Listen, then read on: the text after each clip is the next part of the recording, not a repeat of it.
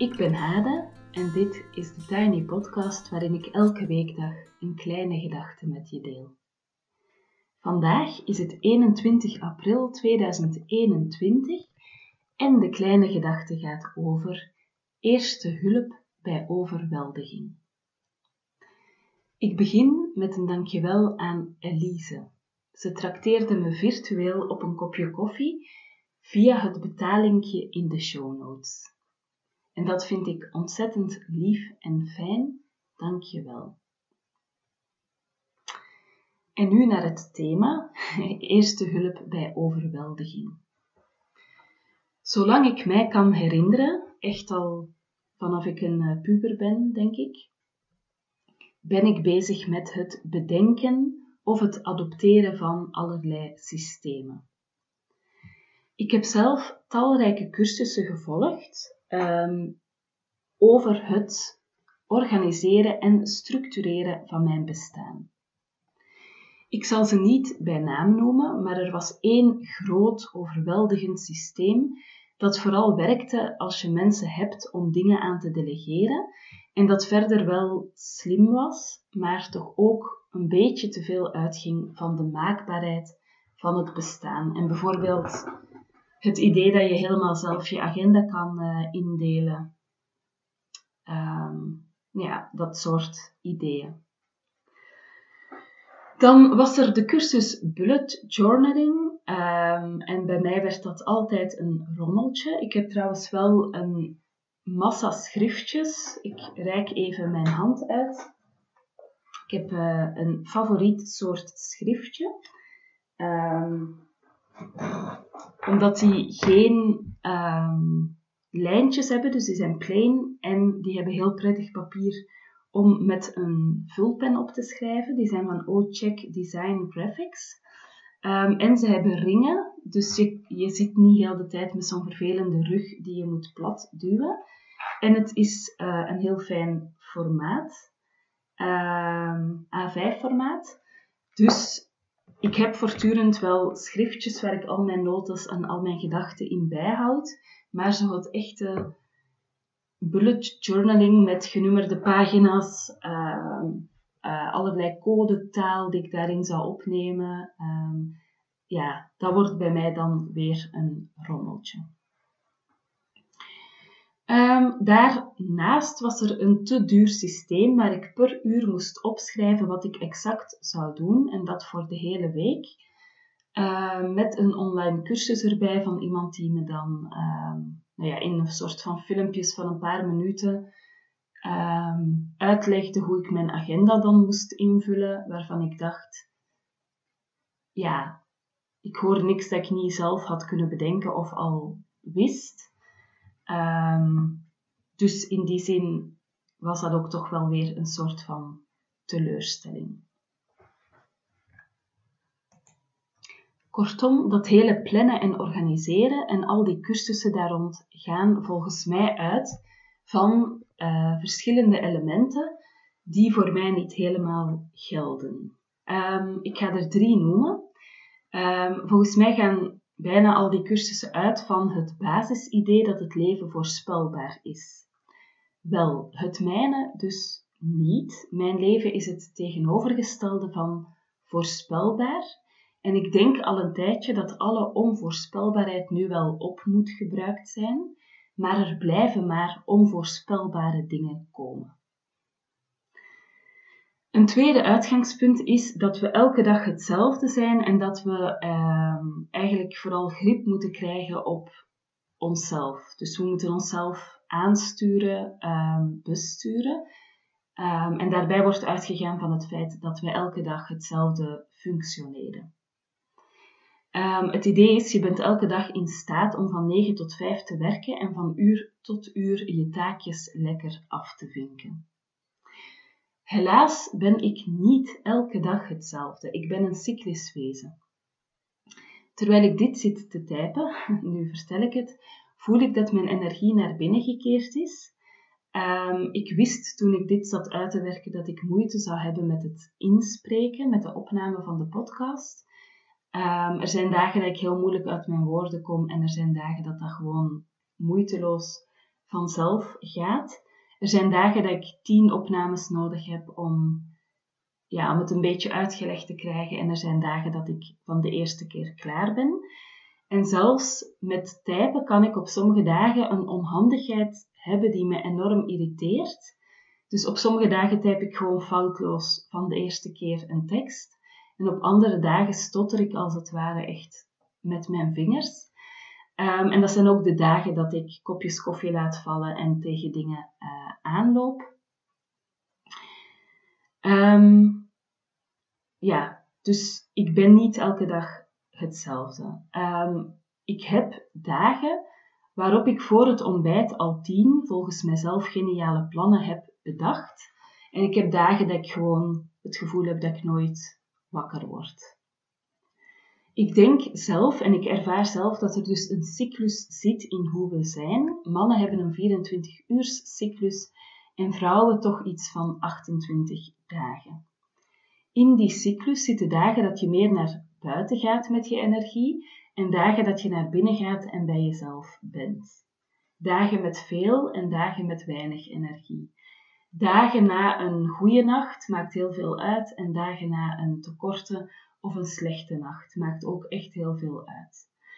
Dagen waarop je graag mensen om je heen hebt en dagen waarop je liefst even verdwijnt. En daar kan je natuurlijk een dominante, uur tot uur geplande, afvinkbare takenlijst tegenaan gooien, maar voor mij werkt dat niet. Ik stotter en sukkel mij dan doorheen die dag en die lijst. Een derde uitgangspunt van al die methodes om te plannen en te organiseren is dat regie de voorkeur heeft. Lekker alles in de hand houden, exact weten wat je wanneer gaat doen. Terwijl ontfocussen, daar bestaan ook boeken over, eh, net helpt om te voelen wat er nodig is, om bijvoorbeeld echt in te tunen op een creatieve stroom of op, zeg maar, soort van stroom van ideeën en kennis en noden die er gewoon zijn, die je zelf overstijgen. Ehm, dus ontfocussen is belangrijk om bijvoorbeeld op creatieve ideeën te komen. Zet maar eens als experiment in je agenda dat je op dinsdag tussen 3 en 4 je creatieve ideeën gaat bedenken en kijk dan maar eens wat er gebeurt die dag tussen 3 en 4. Als je een beetje bent zoals ik, maar misschien ben ik gewoon heel raar, loop je dan vast. Ehm, maar heb je wel die ideeën op momenten dat je onder de douche staat of bijvoorbeeld bij het hardlopen. Als ik vroeger een column moest schrijven, dan ging ik stevast even douchen, omdat ik dan veel beter uh, onder de douche op ideeën kwam. Zo, dat waren de uitgangspunten volgens mij die onder die systemen van strikt plannen en organiseren uh, liggen. Dus zo het idee van je moet de regie pakken, je bent elke dag hetzelfde, je, moet jezelf alleen besturen en het leven is voorspelbaar. Als je maar de regie neemt. Um, hoewel ik die voor mezelf ontmantel, um, weet ik natuurlijk ook dat ik de chaos niet, um, nou ja, dat ik niet in een totale chaos kan leven. Dus ik doe mijn best met al die methodes en regelmatig raak ik ook wat overweldigd. Meestal heeft een fase van overweldiging te maken met zeer onvoorspelbare omstandigheden die veel van me vragen. Um, verstoorde nachtrust heeft zeker ook een rol. Uh, maar als ik eerlijk ben, ook gewoon de combinatie van jonge kinderen, werk en de coronatijd. Thuis is geen plek van rust voor mij, maar een plek van hard werken, veel geluid, veel prikkels. En dat maakt dat mijn hoofd soms ontploft en dat van vele moeders met mij, durf ik te denken.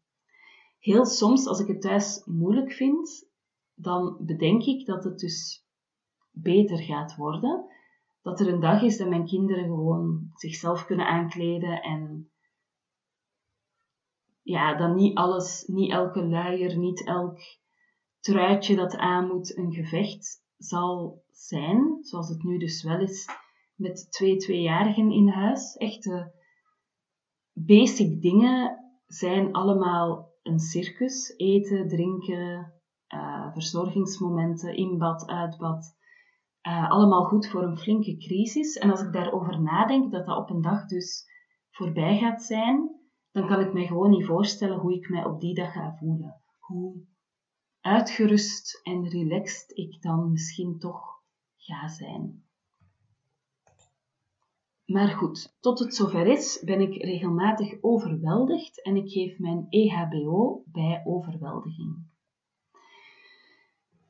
Punt 1. Uh, eh, op een moment van overweldiging realiseer ik mij dat ik een cyclisch wezen ben. Vroeger had ik de neiging lineair en zwart-wit te denken.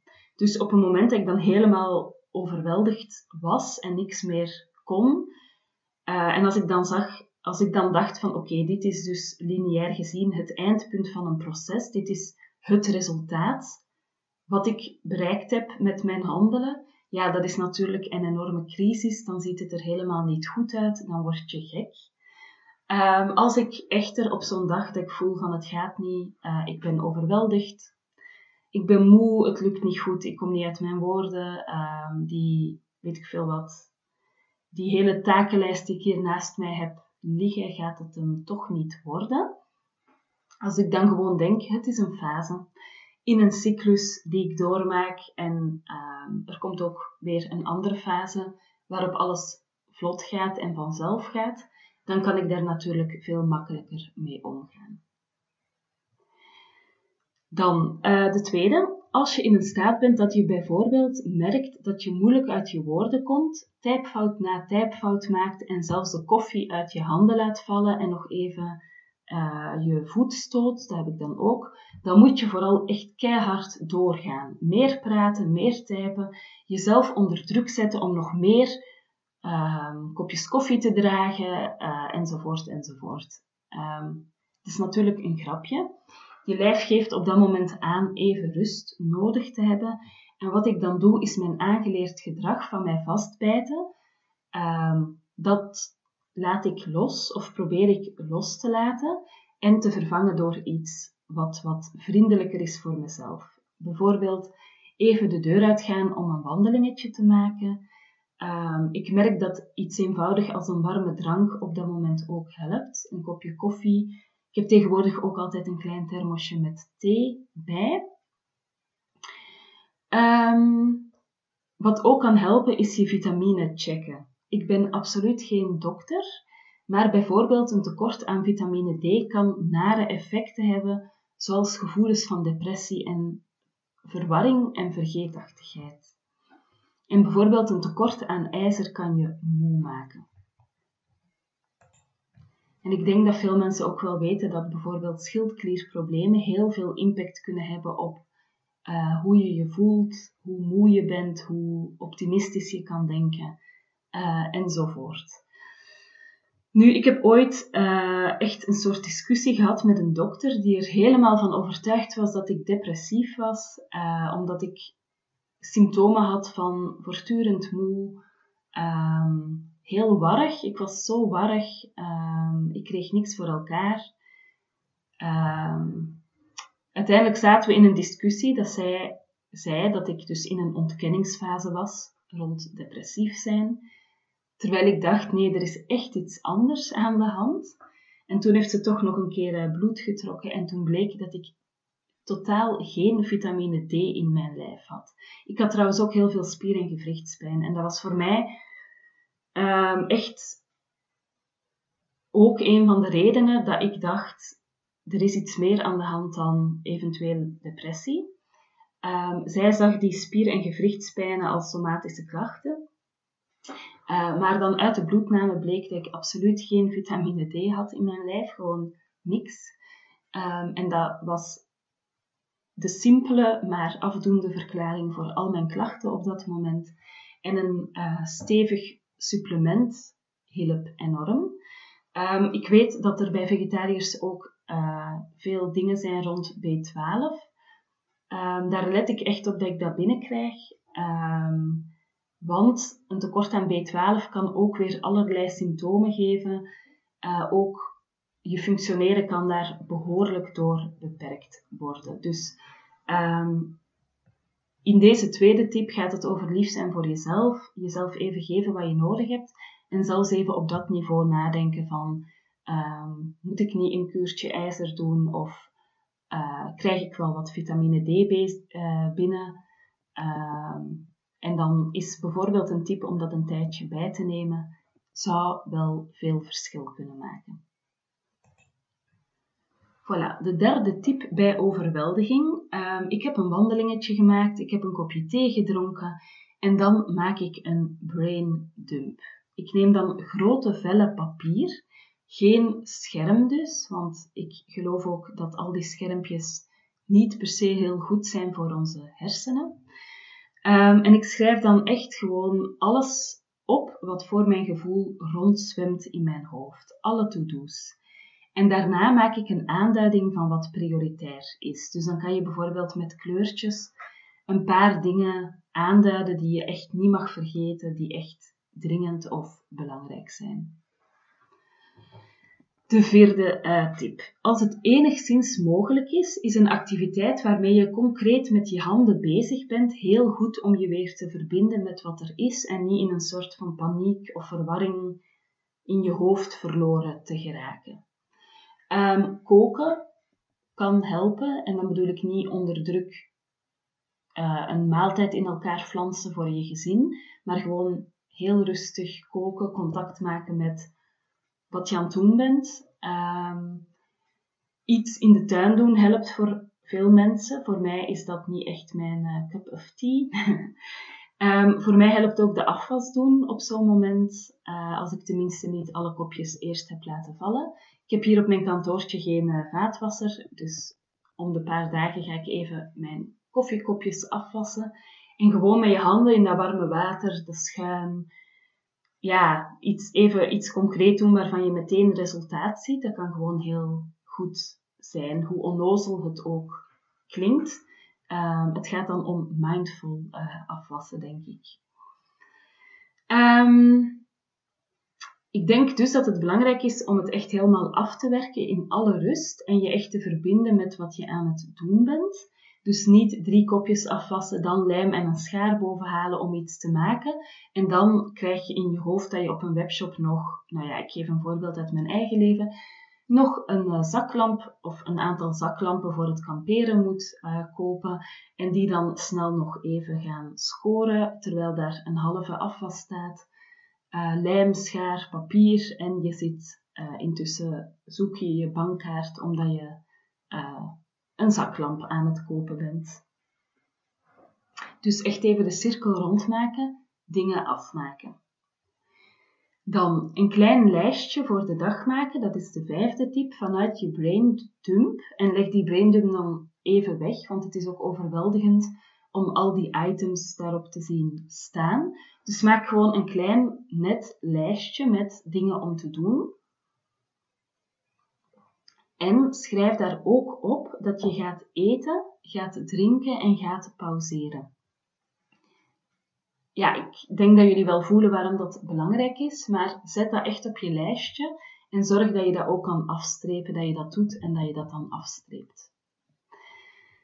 Dan uh, het zesde, te veel prikkels vermijden. Ik vermijd bijvoorbeeld op zulke momenten tv kijken en zeker spannende dingen kijken op tv. Uh, ook de krant lezen is me dan vaak te veel, maar in de kokon van een podcast onderduiken kan mijn hoofd dan extreem rustig maken. En als ik je een gouden tip mag geven, ik heb uh, de laatste dagen naar West Cork geluisterd en dat was echt voor de liefhebbers van Serial, die, ja, de, de moeder der podcasts, denk ik. Uh, is echt goddelijk. Ik heb er zelfs de krantencommentaren van Clara voor gemist. Dan de zevende uh, en de laatste tip um, is wandelen in plaats van fietsen.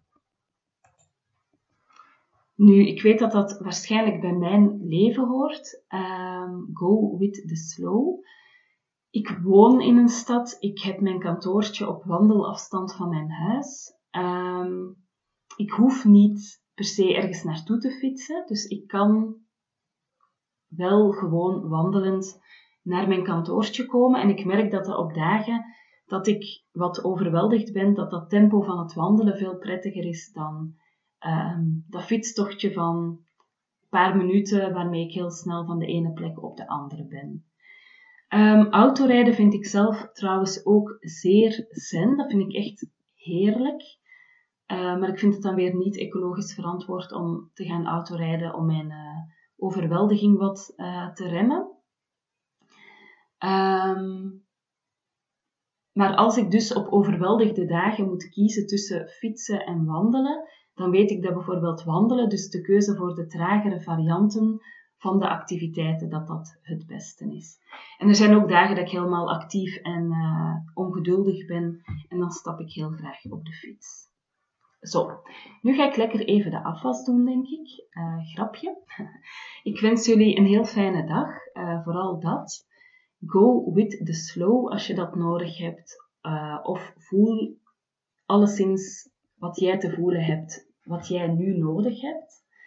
Um, ik heb bijvoorbeeld zelf ook snelle dagen en dan word ik knetter van het advies het lekker rustig aan te moeten doen. Het belangrijkste is dat je het onderscheid kan maken en dat je weet dat er gewoon dat niet elke dag een snelle dag is en ook niet elke dag een trage dag, maar dat je wel voelt wanneer is het een snelle dag, wanneer een trage en wat kan ik dan van mezelf verwachten en hoe zorg ik dan voor mezelf. En in mijn workshop op mijn online mini-festival van 9 mei, dat is van 8 tot 10 s'avonds, ga ik het daarover hebben, over die zelfzorg voorbij de hashtag selfcare. Ik zet het linkje in de show notes ehm, en achter de schermen wordt er uh, druk gewerkt aan een leuke post voor de deelnemers, ehm, iets liefs, iets creatiefs. Wat de week voor het festival komt. En de week voor het festival word je ook gecontacteerd om een keuze te maken tussen de vier workshops, zodat we dat ook al wat in beeld hebben. Uh, je kan dus je hormonen rokken met Larissa. Je kan je stem omarmen met Griet. Je kan uh, nadenken over hoe je in je vrouwelijke kracht kan staan met Janneke. Of wij gaan het met elkaar een keer over zelfzorg hebben.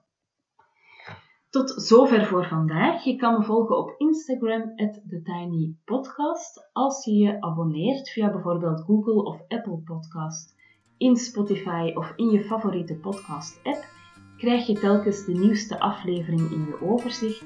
En dat is dus elke weekdag. Als je de podcast doorstuurt naar iemand die er ook graag naar luistert of hem deelt op social media, help je mij om de podcast te laten groeien. En voor nu wens ik je een fijne dag en heel veel goeds.